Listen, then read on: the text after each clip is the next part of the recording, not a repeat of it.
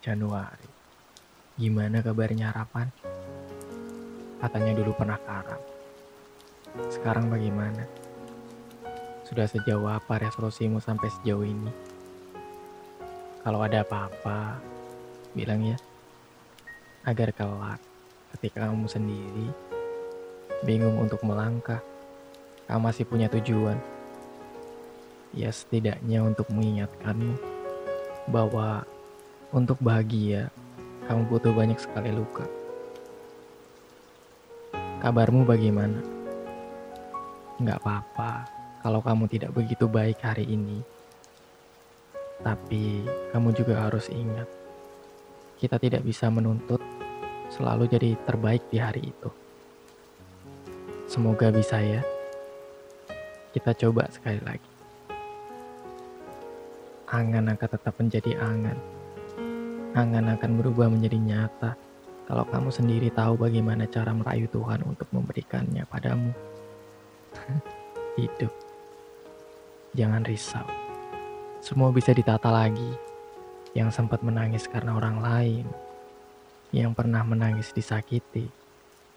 Dan kehadirannya tidak dianggap. Yuk sadari hanya untuk terlihat bahagia. Tidak harus berhalusinasi bahwa dia adalah milikmu sekarang. Jangan sampai mimpimu menjadi nyata buat orang lain. Untuk itu, kita jaga baik-baik ya. Aku rasa kita sangat tahu dan pernah merasakan kehilangan. Bukan cuma kamu yang repot.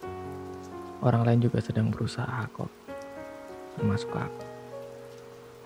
Dari tanggal 1 sampai 31 akhir Januari ini, kamu udah dapat apa aja?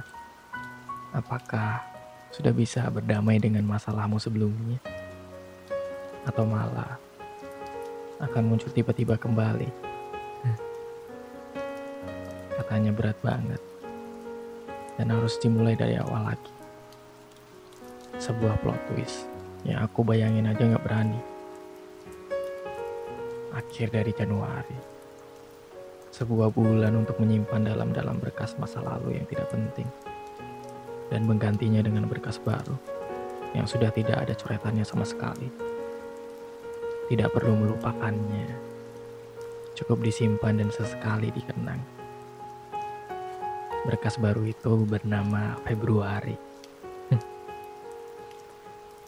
Biarkan Januari dan kisah sendunya menjadi rintikan hujan di atas rindu kita. Titip salam untuk Tuhan. Dari aku yang pernah mengagumi makhluknya segila ini.